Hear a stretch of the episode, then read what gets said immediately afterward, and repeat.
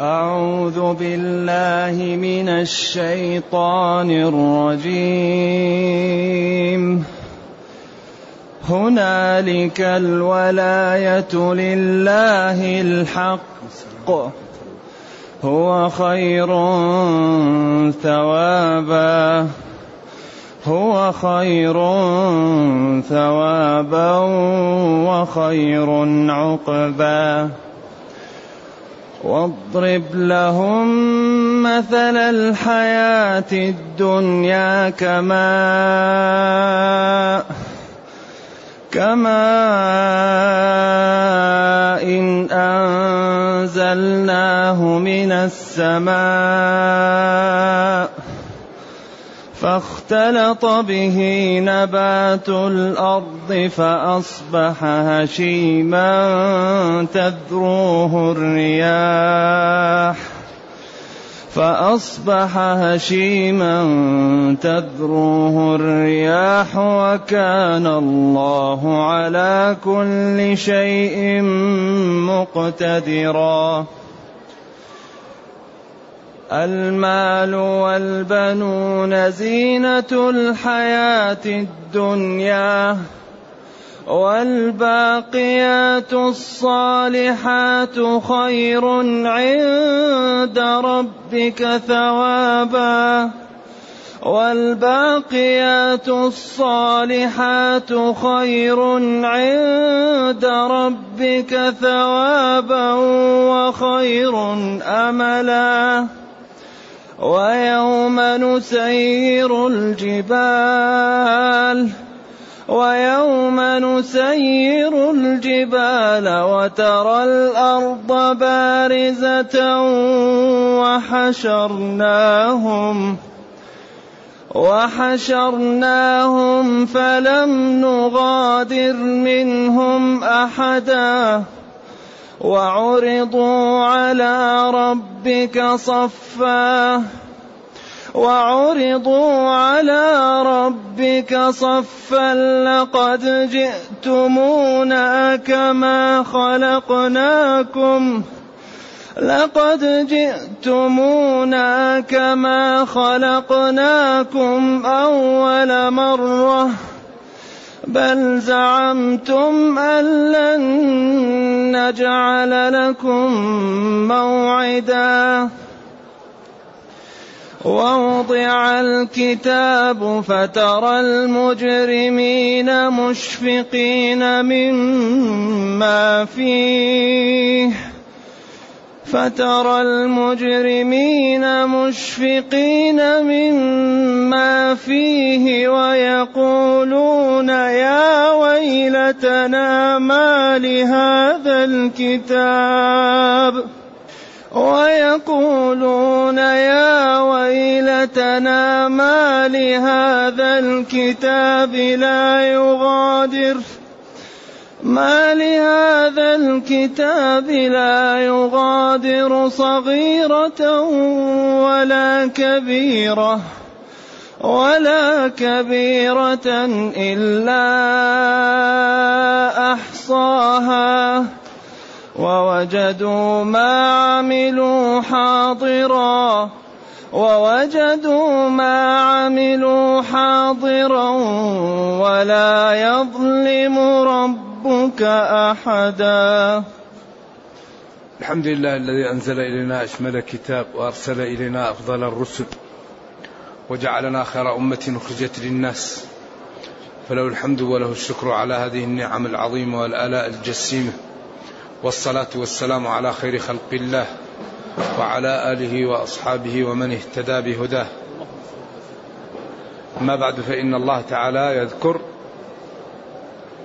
هنالك الولاية لله الحق. هنالك إشارة للبعد المكانة والبعد الزماني. هنالك الولاية لله. سواء قلنا الولاية أو الولاية.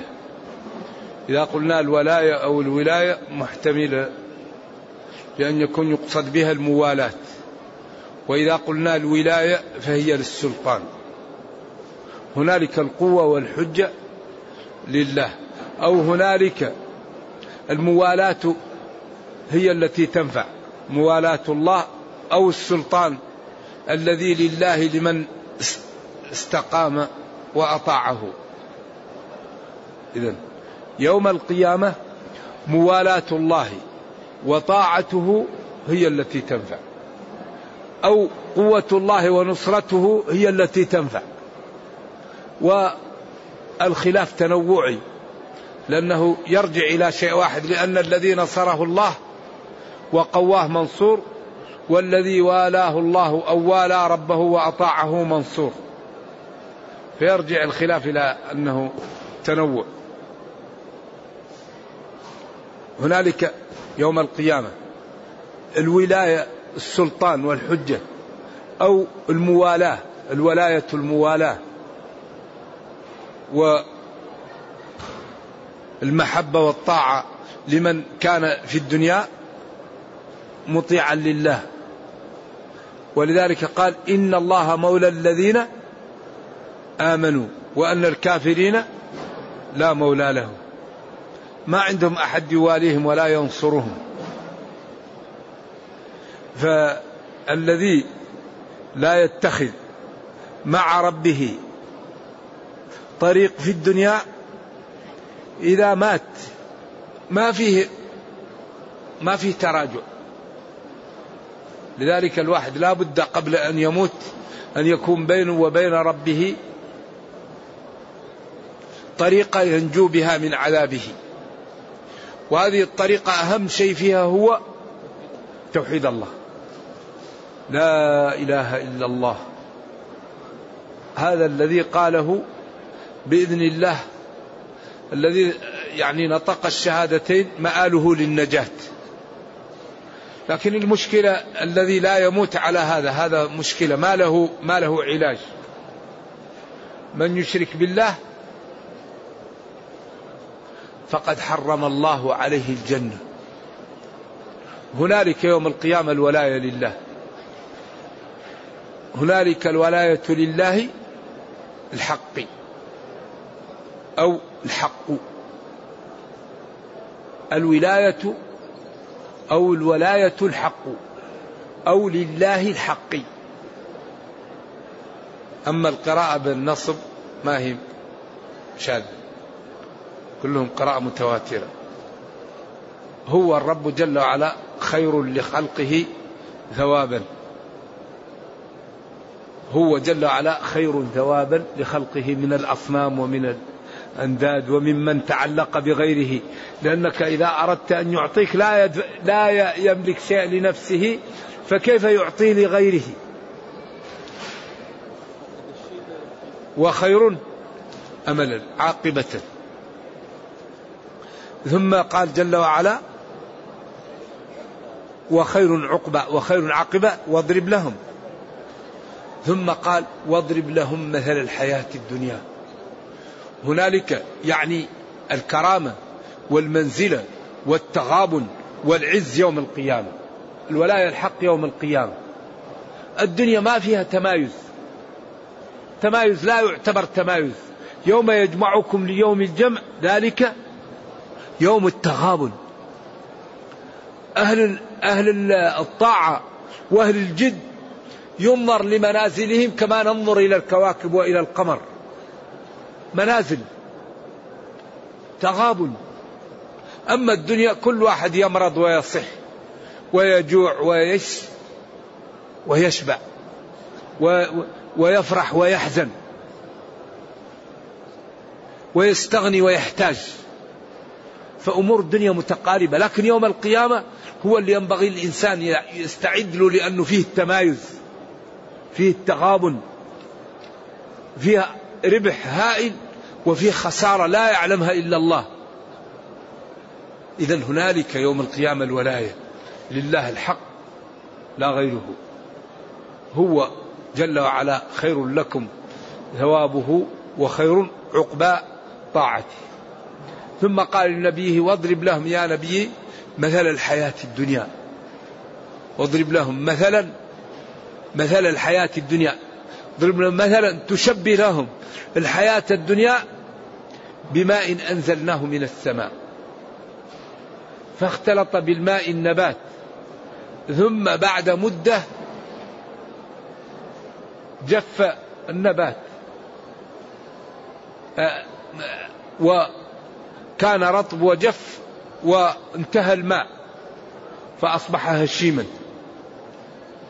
الهشيم مكسر. ولما تهشم أصبح سهل على الريح نقله. تذروه الرياح تبتعده ولم يبق له أثر. إذا هذا عمل عيينة بن حصن أو صناديد قريش أما سلمان وبلال وصهيب هذا عملهم هو الذي يبقى. الباقيات صالحات كما سيأتي. وكان الله على كل شيء مقتدرا. فلا يبتعد في عقل السامع ما ذكر لأن الله جل وعلا إذا أراد شيئا أن يقول له كن فيكون. لذلك يكثر في القرآن الإتيان بالسماوات والأرض وبالخلق بعد الترغيب والترهيب. يكاد لا ينخرم أنه إذا جاء ترغيب أو ترهيب في القرآن يختم المقطع بقدرة الله بخلق السماوات والأرض أو بالخلق. هذا لا ينخرم في القرآن. كل ما جاء أمر أو نهي أو وعد أو وعيد أو إكرام لمتقين أو عقوبة مجرمين يختم ذلك بما لا؟ بقدرة الله وأكبر قدرة هي الخلق. وأكبر المخلوقات السماوات والأرض التي نراها. لذلك قال إيش؟ قال جل وعلا هنا هنا في إيش؟ والله على وكان الله على كل شيء مقتدرا. إذا ما أخبر به من الوعد؟ يعطيه وما أخبر به من الوعيد على العصاة ينفذه. لذلك لما بين صفات المؤمنين في سورة قد أفلح المؤمنون. قد تحقيق أفلح دخلوا في الفلاح المؤمنون. وبعدين بين صفاتهم بين الله صفاتهم. الذين هم في صلاتهم خاشعون. والذين هم عن اللغو معرضون. والذين هم للزكاة فاعلون. والذين هم لفروجهم حافظون. بعدين أنهى المقطع. بعدين لما أنهى كأنه قال أين الدليل على هذا؟ وما البرهان؟ قال ولقد خلقنا الإنسان من سلالة. انتبهوا أنا قادر خلقت الإنسان من سلالة من نطفة من الماء قليلة. ثم جعلناه نطفة في قرار مكين. ثم خلقنا النطفة علقة. بعدين قال فتبارك الله. ثم قال ثم إنكم بعد ذلك لميتون. ثم إنكم يوم القيامة. وهذا ثقل الجملة هذا هو النتيجة. النتيجة البعث والجزاء. ثم إنكم يوم القيامة تبعثون. ثم هنا يقول جل وعلا وكان الله على كل شيء مقتدرا. كان الله لا غيره على كل شيء أراده مقتدرا عليه ينفذه. فيا عبد ما الذي تريد؟ حدد هدفك حدد غرضك. فربك قادر وكريم. وأوجدك من العدم وأعطاك العقل وأسبغ عليك من النعم الظاهرة والباطنة ما لا يعلمه إلا الله. فخلي علاقتك بربك كما أمر وأبشر بما تريد. ثم بين قال المال والبنون. المال والبنون. زينة الحياة الدنيا.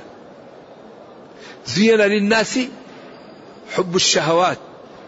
من النساء والبنين والقناطير المقنطرة من الذهب والفضة والخيل المسومة والأنعام والحرث. ذلك متاع الحياة الدنيا والله عنده حسن المآب قل أنبئكم بخير من ذلكم للذين اتقوا عند ربهم. جنات تجري من تحتها الأنهار خالدين فيها وأزواج مطهرة ورضوان من الله والله بصير بالعباد الذين يقولون ربنا إننا آمنا فاغفر لنا ذنوبنا وقنا عذاب النار. الصابرين والصادقين والقانتين والمنفق ما ديننا ما ترك شيء. إذا طريق الجنة واضحة وطريق جهنم واضحة. والله أعطاك العقل وأسبغ عليك من النعم. فحدد فحدد اختيارك من الآن. وإلا تقول يا ليتني يا ليتني. كل شيء بين لك الآن. المال.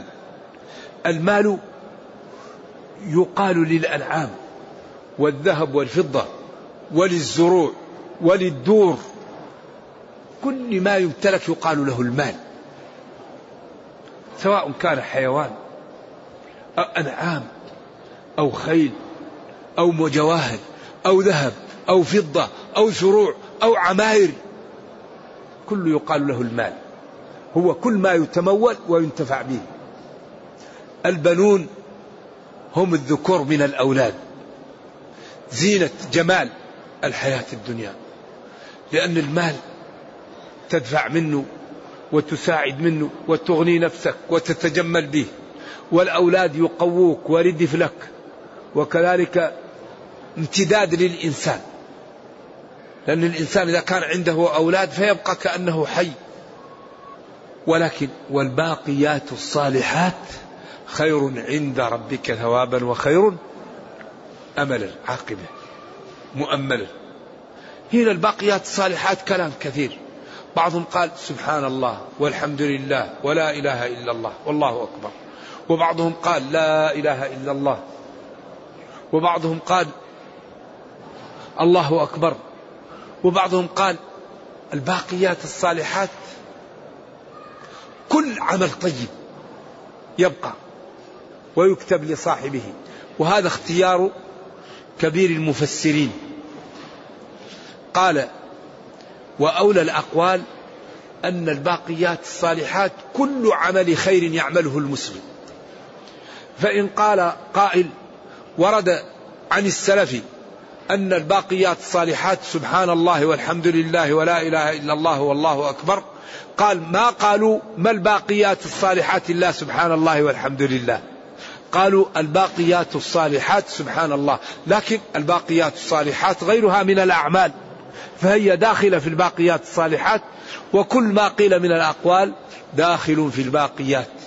لأن الباقيات جمع باقية لأن تكتب للإنسان فيجد أثرها ويبقى. والصالحات جمع صالحة وهو الأعمال التي إذا رآها الإنسان وجد لها عاقبة وثمرة لأن هذا هو الباقيات الصالحات. الأعمال التي تكتب للإنسان وتكون صالحة فيجد أثرها بعد موته ويجد نتائجها يوم القيامة. ولذلك ورد عن السلف أن الإنسان يعود نفسه للخير. من كان يؤمن بالله واليوم الآخر فليقل خيرا أو ليصمت. خير الكلام أربع. سبحان الله والحمد لله ولا إله إلا الله والله أكبر.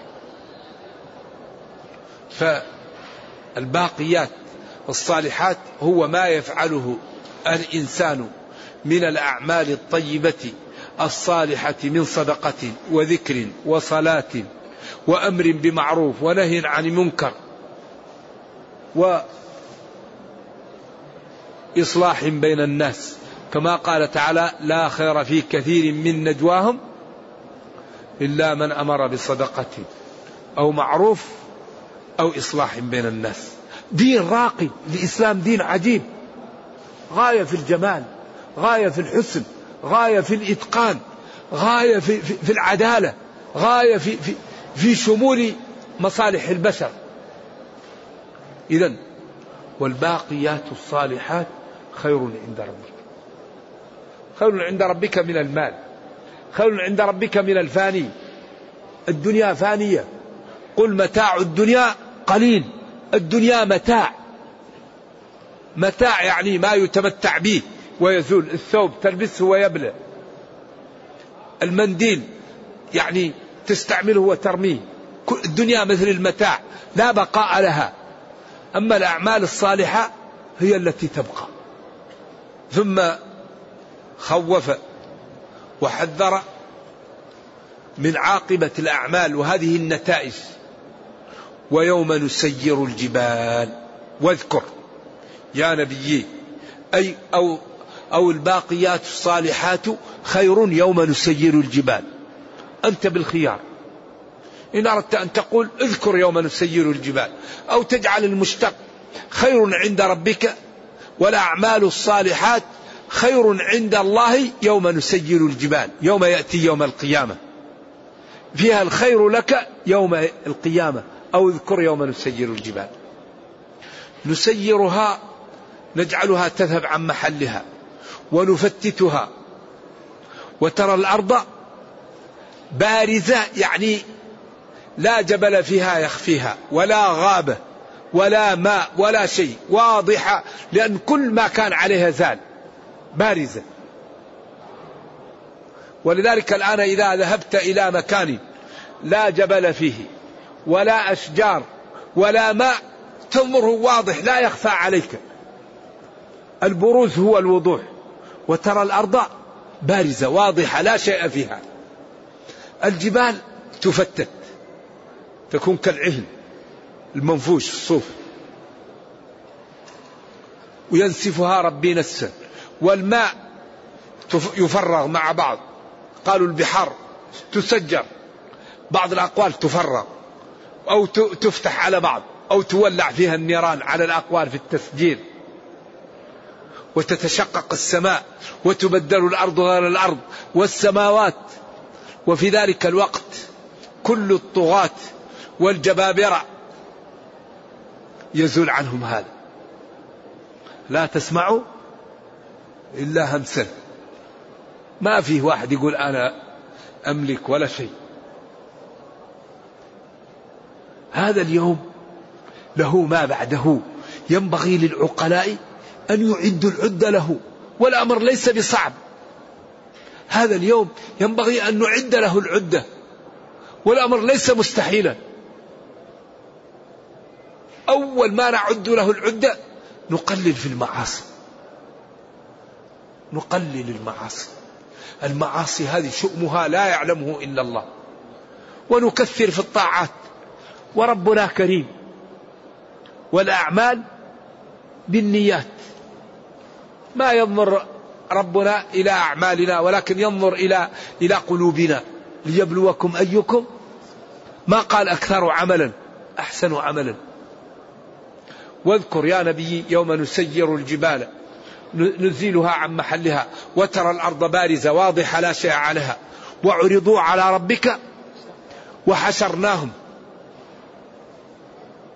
جمعناهم.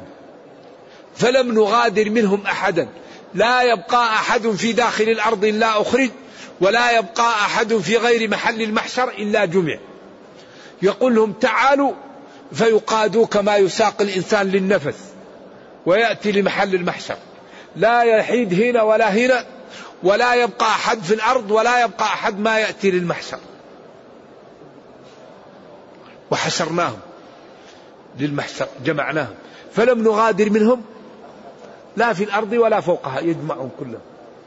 وعرضوا على ربك صفا قيل صفا جمعا وقيل صفا واحدا وقيل صفا صفا كما قال أولو الطفل أي الأطفال أي صفا صفوف. وعبر عن المصدر بالواحد أي صفوف. هؤلاء أصحاب الإجرام وهؤلاء أصحاب التقى وهؤلاء أصحاب الكذب وهؤلاء أصحاب الرياء وهؤلاء أصحاب الربا. كل شريحة كانت تعمل عمل إيش؟ تأتي صف. كما قال كلما ألقي فيها فوج صفوف. لقد جئتمونا لقد جئتمونا. ما في فرادى لقد جئتمونا كما خلقناكم أول مرة. لا لباس ولا ختان ولا شيء. كما كما خلقتم أول. غرلا عراة حفاة غرلا غير مختونين. فورد عن عائشة قالت وسوأتاه الناس كلها عراة كيف ينظر؟ قال الأمر أعلى وأفخم كل واحد في هذا الوقت يا, يا الله نجني يا الله لا تعذبني ما يمكن لا لا نظر ولا خوف إلا ممن تعرف في الدنيا. والله هذا اليوم مخيف. ولذلك يكثر في القرآن اتقوا يوما لا تجزي نفس عن نفس شيئا. إن زلزلة الساعة شيء عظيم.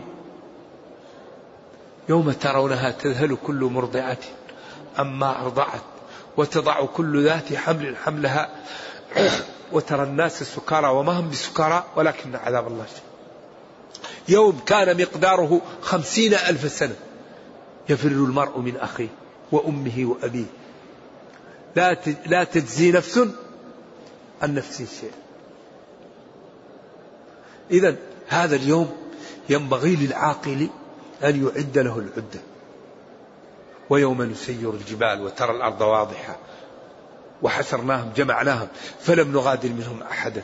وعرضوا على ربك صفا واحدا أو صفا صفا كل شريحة.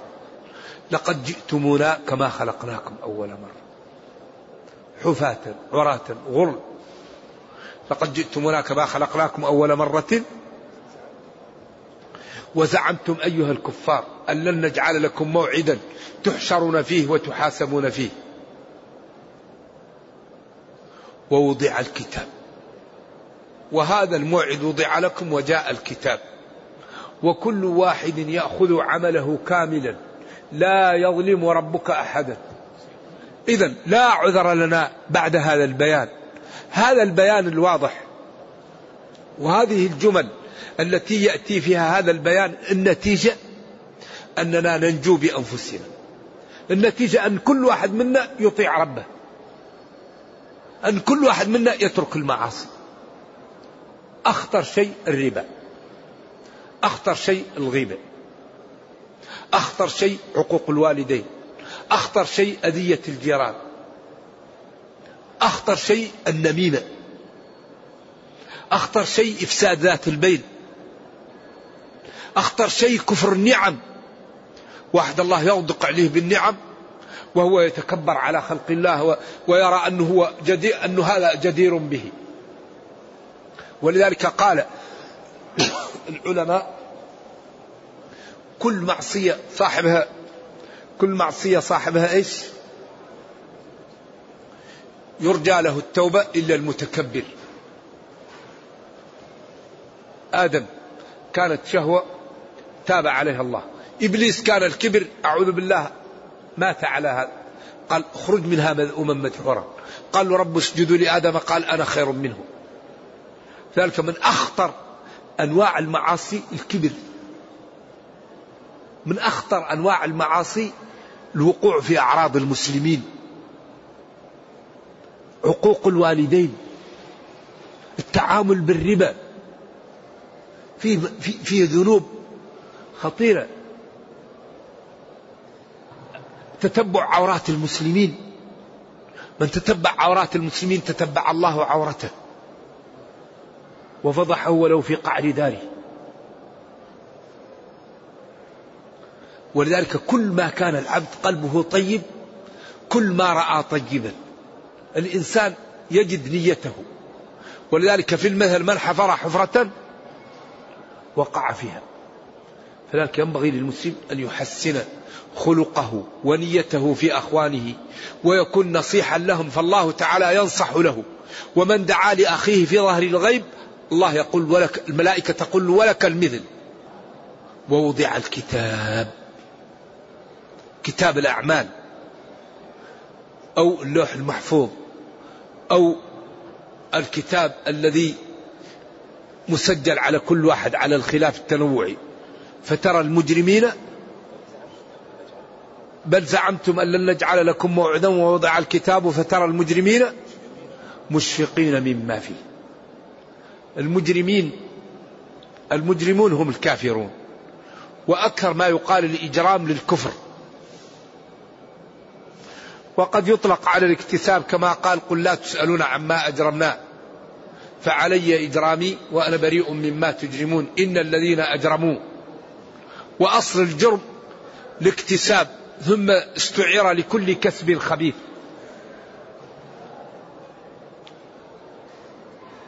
مشفقين خائفين مما فيه لما يعلمون من الذنوب التي اقترفوها ومن المعاصي التي عملوها ومن الأخطاء التي سلكوها. مجرمين هم الكافرون مشفقين خائفين مما فيه ويقولون هؤلاء الكفار يا ويلتنا يا حسرتنا ما لهذا الكتاب الذي أعطي لنا؟ لا يغادر مما عملناه صغيرة ولا كبيرة إلا أحصاها. مكتوبة. ووجدوا ما عملوا حاضرا. الحسنة بعشر أمثالها والسيئة واحدة ولا يظلم ربك أحدا. أبعد هذا الإنسان يضيع نفسه. أبعد هذا البيان الإنسان يترك نفسه من طاعة الله. أبعد هذا البيان الإنسان يغرق في المعاصي حتى يوبق نفسه. هذا الكتاب جاء لإنقاذ البشرية فحري بنا أن نعطيه من أوقاتنا. لا بد لنا من أن نصحب هذا الكتاب حتى يعزنا في الدنيا وحتى يرحمنا في الأخرى وحتى نعرف ما الواجب علينا فنمتثل وما الحرام علينا فنجتنب فنسعد في دنيانا وأخرانا ونكون كما وصفنا ربنا خير أمة أخرجت للناس. تأمرون بالمعروف وتنهون عن المنكر وتؤمنون بالله. نرجو الله جل وعلا أن يجعلنا من المتقين وأن يرينا الحق حقا ويرزقنا اتباعه وأن يرينا الباطل باطلا ويرزقنا اجتنابه وأن لا يجعل الأمر ملتبسا علينا فنضل. اللهم ربنا آتنا في الدنيا حسنة وفي الآخرة حسنة وقنا عذاب النار. اللهم اختم بالسعادة آجالنا واقرم بالعافية غدونا وآصالنا واجعل إلى جنتك مصيرنا ومآلنا يا أرحم الراحمين. سبحان ربك رب العزة عما يصفون وسلام على المرسلين والحمد لله رب العالمين والسلام عليكم ورحمة الله وبركاته.